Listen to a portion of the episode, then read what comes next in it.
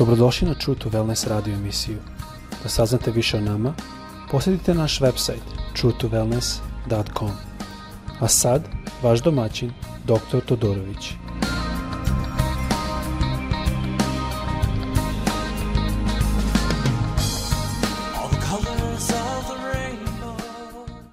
Dobrodošli na našu uh, podcast, našu radio epizodu. Pozdravljam vas odavde iz Florida, odakle radim podcast. Kao što znate, dragi brat eh, dr. Nikolić je otišao bude sa gospodom. Eh, vi ćete čuti često njegove propovedi ovdje, jer imamo priličan broj propovedi koji još uvek smo u stanju da pustimo. Verujem da je taj brat imao divan dar, eh, da iznese reč Božju i radujem se da imamo prilično zaliha njegove propovedi ovdje, uključujući a zadnju propoved ili što ja verujem da je zadnja propoved koju on napravio poslao mi e, kad je već se borio sa covidom i to se malo osati čak u propovedi da je imao tu borbu ali e, još uvek nisam pustio tu a naći ću uskoro vreme da specijalno pustim tu propoved a, e, tako da, da znate da ćemo i dalje a, puštati njegov, a, njegove propovedi jer on ima divan dar u tome i to je nešto što ja verujem u onu a, reč što kaže da Božja reč se ne vraća neispunjena.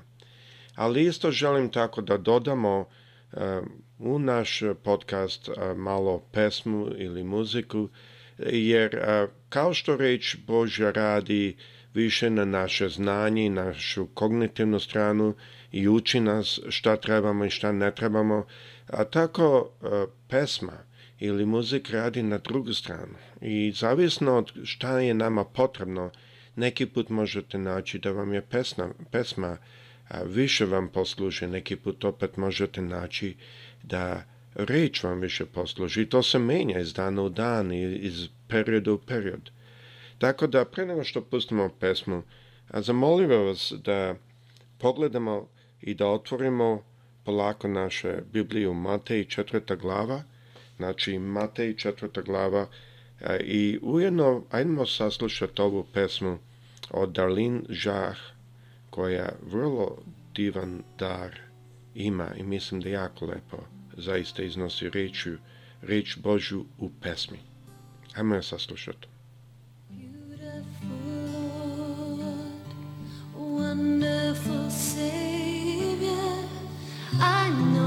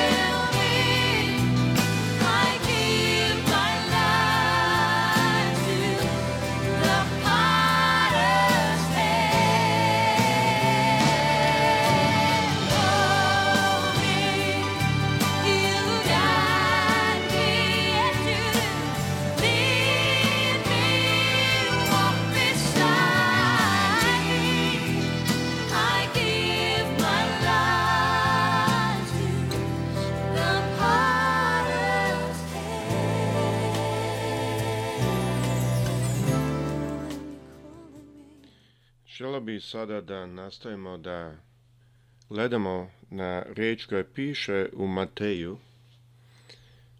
četvrta glava, prvi stih, da kaže ovako. Onda duh odvede Isusa u pustinju da ga đavo iskuša. A meni je to bilo prilično čudno kad sam prvi počitao. Pa znači, gospod je dozvolio jer ovde se radi o svetom duhu koji je deo trojstva. Znači, Bog je dozvolio, ne samo to, odvojio je Isusa da bude iskušan. Ali normalno, kao što znamo, Isus nije pao ni na jedno od tih iskušenja. I kaže drugi stih, pošto je postio 40 dana i noći, najzad ogladne, a kušac, to je đavo, mu priđe i reče, ako si sin Boži, reci da ovo kamenje postane hleb.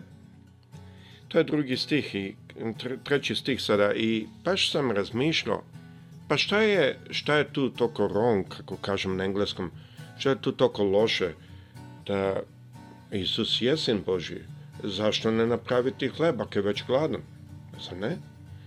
Mnogo puta mi u našem životu mi idemo na posao, dolazimo kući da bi mogli e, plaćati naše dugove, da bi mogli održavati našu kuću, da bi mogli raditi. Mi znamo da je to ispravno. Mi isto znamo da nije greh jesti hleb. Mislim, zadnji put kad sam ja čitao riječ Božju, to nije greh. I Verujem da se svi slažemo s tim. Ali ovde svakako đavo nije došao s nečim što nije greh. E, onda kako razumemo ovo? O čemu se ovde radi? Jer džavo ne bi došao s nečim što ne bi bio greh. Znači, ovo bi bio greh da je Isus ovo radio. A što Isus kaže? Zapisano je, odgovori mu Isus. Čovek ne živi od, samo od hleba, negi od svake reči koja izlazi iz Božih usta. ovo je divno. Vidite šta se ovde dešava je ovde je u pitanju prioritet.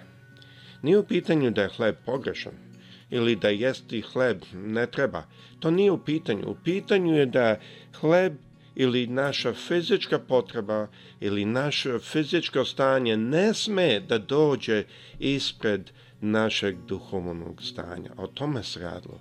Radilo se ovde o prioritetu.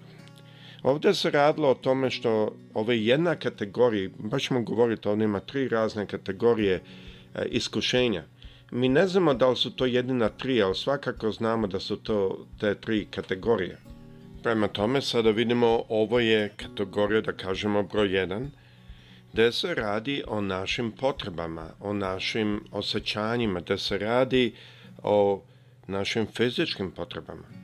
Naime, Isus nije jeo priličnom dana i noći, 40 dana i noći on nije jeo. Ne znam kako bi se vi osetili, ali Ja posle dva ili tri dana, ja bi bio prilično gladan. Ne, ne znam da li bi je zdržao 40 dana i noći. Dva, tri dana već mi osetimo tu glad. I u tome se radilo ovde u kušnji.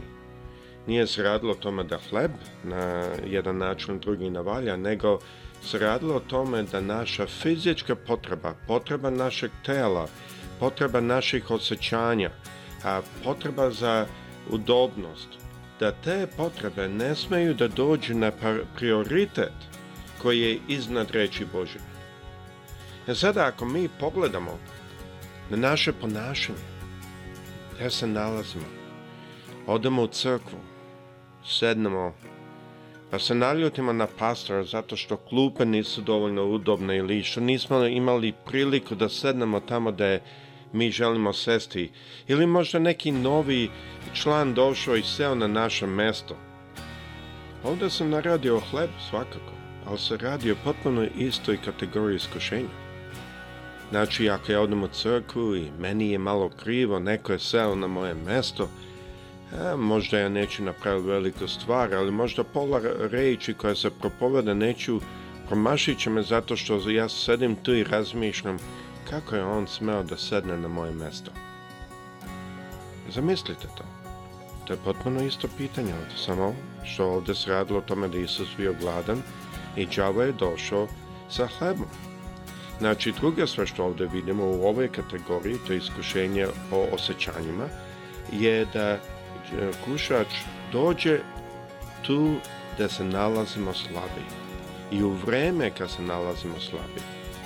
Vidite ovde da kušač nije došao prvi dan ili deseti dan ili petnesti dan, nego kad je prošle, prošlo 40 dani i noći.